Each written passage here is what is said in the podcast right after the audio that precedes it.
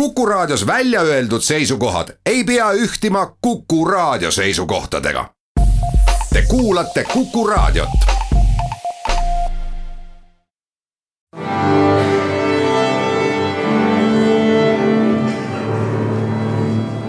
daamid ja härrad, Eesti Kontserdi saade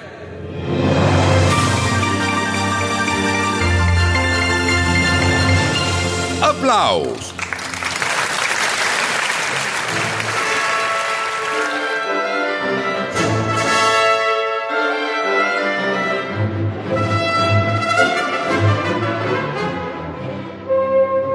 Tere kõigile, Eesti Kontserdi saade Applaus, mina olen Lauri Aav. oleme sealmaal, et aeg kahe tuhande kaheksateistkümnenda, kahe tuhande üheksateistkümnenda aasta kontserdihooajaga vaikselt otsad kokku tõmmata hooaeg, mida tagasivaates jäävad kaunistama sügishooajast Berliini kontserthausorkester ja maailma parim sümfooniaorkester Konzertkabau Orchestra Amsterdamist. klaverifestival koos Leif Hove Antsensi ja Rudolf Puhbinderiga. kevadhooajast Orchestra della Svizzera Italiana, Eesti festivaliorkester ja Baltic Sea Philharmonics, Rootsi puhkpillisümfoonikud, aga ka Eesti Kontserdi residenthelilooja Sven Grünbergi perioodi viimane kontsert ja uue residenthelilooja Tõnu Kõrvitsa perioodi esimene kontsert, mis tegelikult oli ühtlasi ka Tõnu juubelikontsert.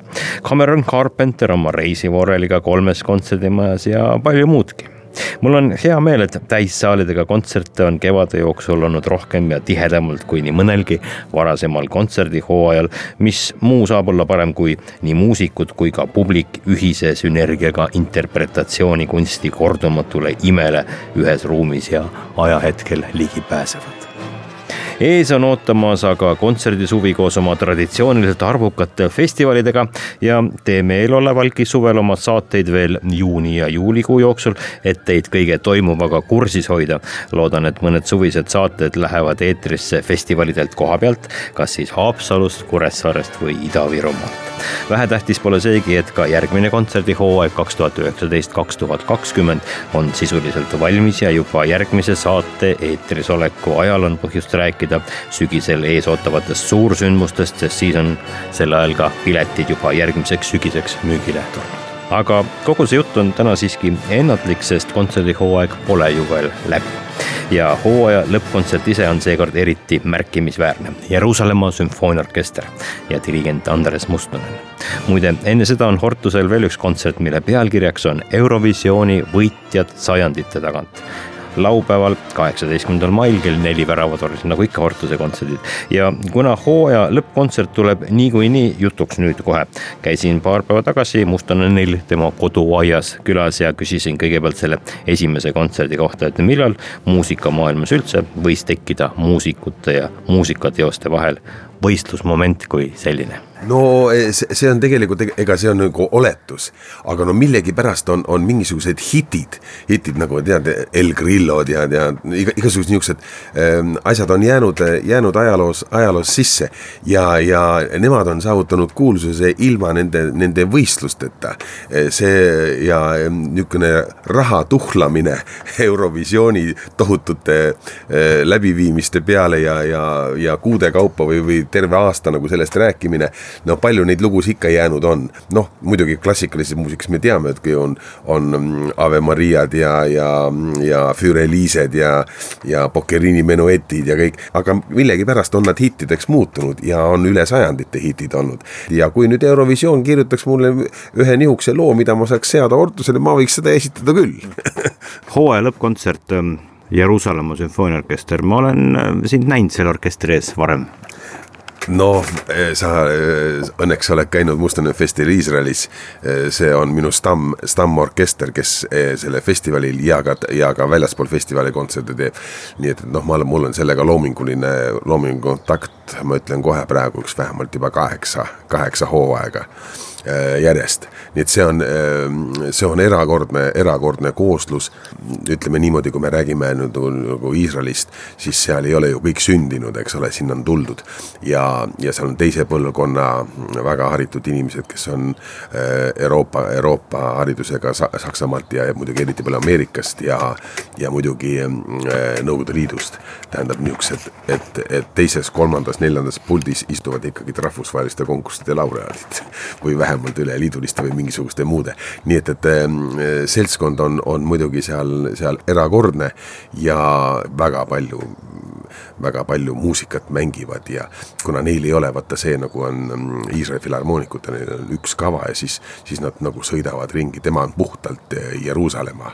aga, aga ta muidugi rahvusvaheliselt ikka väga palju käib ringi. Ja peale selle on ta Iisraeli riigi pealinna orkester, see on ikka ja ta oli, ta oli ka raadio, raadioorkester, eks ole, ta, mis tähendas seda, et ta oli seotud ka uue mm, Iisraeli või ütleme üldse juudi helilööjatega ja nende lindistamistega ja broadcast idega ja saatmistega rahvusvahelisele areenile. nii et, et tema tähendus on, tähendus Iisraeli kultuuriliselt on muidugi, on, on erakordne ja, ja rääkimata sellest, et, et kes ikkagi sealt äh, kõik noh, läbi on käinud, sellepärast et igaüks, kes peab ennast nagu või pidi, pidi ennast ähm, nagu niisuguseks suureks artistiks või, või dirigendiks, on muidugi selle orkestriga mänginud ja selle orkestri ees olnud. ütleme niimoodi, kui ülevalt poolt hakata tulema kõik Isaac Stern ja Schering ja Mõslisav Rostropovitš ja, ja sealt alla, allapoole siis kogu see rida kuni meie päevani kuidas ähm, saadakse sellise orkestri ette dirigeerima, kuidas saadakse selline orkester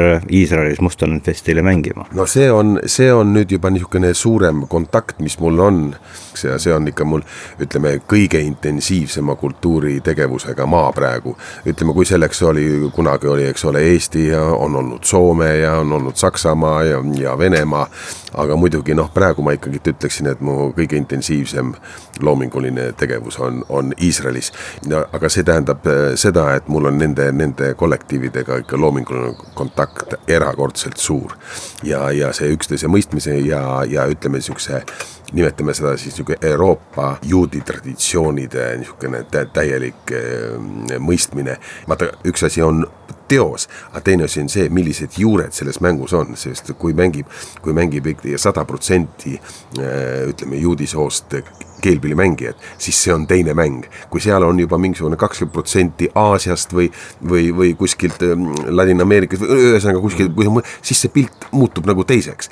seal on väga homogeenne see, see, see mõistmine on väga homogeenne sa oled mitmeid kordi rääkinud, vaimustunud selle kontserdi solistist, kes ei ole esialgu eriti tuntud ja esialgu ka eriti eh, eakas. ei ole üldse, ta on, ta on imelaps, ta on selles suhtes, et ta juba, juba teismelises eh, kaheteistaastaselt juba mängis suurte orkestritega ja, ja tal on muidugi noh, see suund on olnud eh, Iisraelist rohkem, rohkem Ameerikasse, Ameerika Ühendriikidesse ja, ja ta on seal, seal nagu tundnud, aga ikka tuleb mängima kaheksateistkümne aastane ja kes, kes, kes omab juba, juba mitukümmend klaverikontserti ja orkestritega. see on äh, selle mm, Tel Avivi või Iisrael, Iisrael Muusikaakadeemia tudeng veel praegu ja ta on, ta on äh, noh, üks niisugune helgemaid esindajaid praeguse, praeguse noorte pianismi äh, ridades.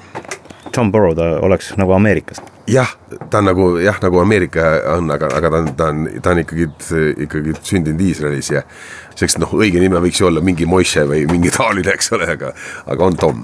ja veel üks selline äh, veider tähelepanek, et me räägime siin mm, Iisraeli muusikaelu kõrgest tasemest ja Iisraeli suurepärastest orkestritest, aga kui rääkida vokaalmuusikast, eriti nagu koorimuusikast, siis ikkagi ei pääse Eesti koorideta läbi. millest see selline suur erinevus Iisraelis võib olla? ja Iisraelis on nii, nagu öeldakse, kui on, kui seal elab äh, no praegu juba hakkab juba üheksa miljonit olema, kui seal elas kuus miljonit, siis öeldi, et on kuus miljonit peaministrit.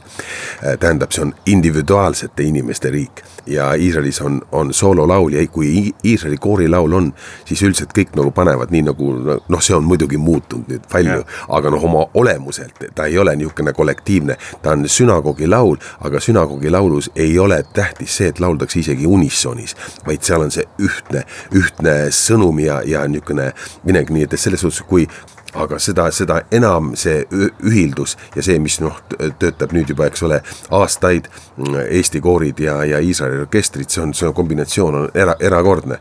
ja mis on siis ju tegelikult ju me näitame ka Eestis seda ühistööd. ehk siis, et kui on äh, Mustonen Fest Iisraelis, siis äh, õitsevad seal Eesti koorid ja kui tuleb Iisraeli orkester Eestisse, siis on siin laval koos nendega Ellerheim laval on koos Elerin ja Elerin on, on ikka teinud väga suure nime Iisraelis, teda oodatakse ja armastatakse ja see, see kõla kõik, mis on see ikka nagu seal öeldakse ikka vau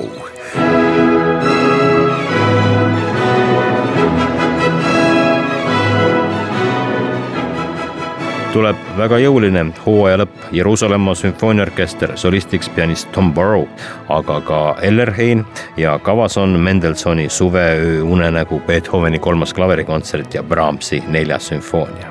See kõik neljapäeval, kahekümne kolmandal mail Pärnu kontserdimajas, reedel, kahekümne neljandal mail Vanemuise kontserdimajas ja laupäeval, kahekümne viiendal mail Estonia kontserdisaalis. Enne seda muide homme on lõunakontsertide sarja viimasel kontserdil laval Eesti Rahvusmeeskoor. Ja see kontsert on hoopis teistmoodi. dirigentide koor RAM on kontserdi pealkirjaks ehk dirigeerivad ja soleerivad kordamööda RAM-i lauljad. Ja neid on õige palju tulge vaadake homme kell neli päeval, aga siin kohtume täpselt kahe nädala pärast, kõike head!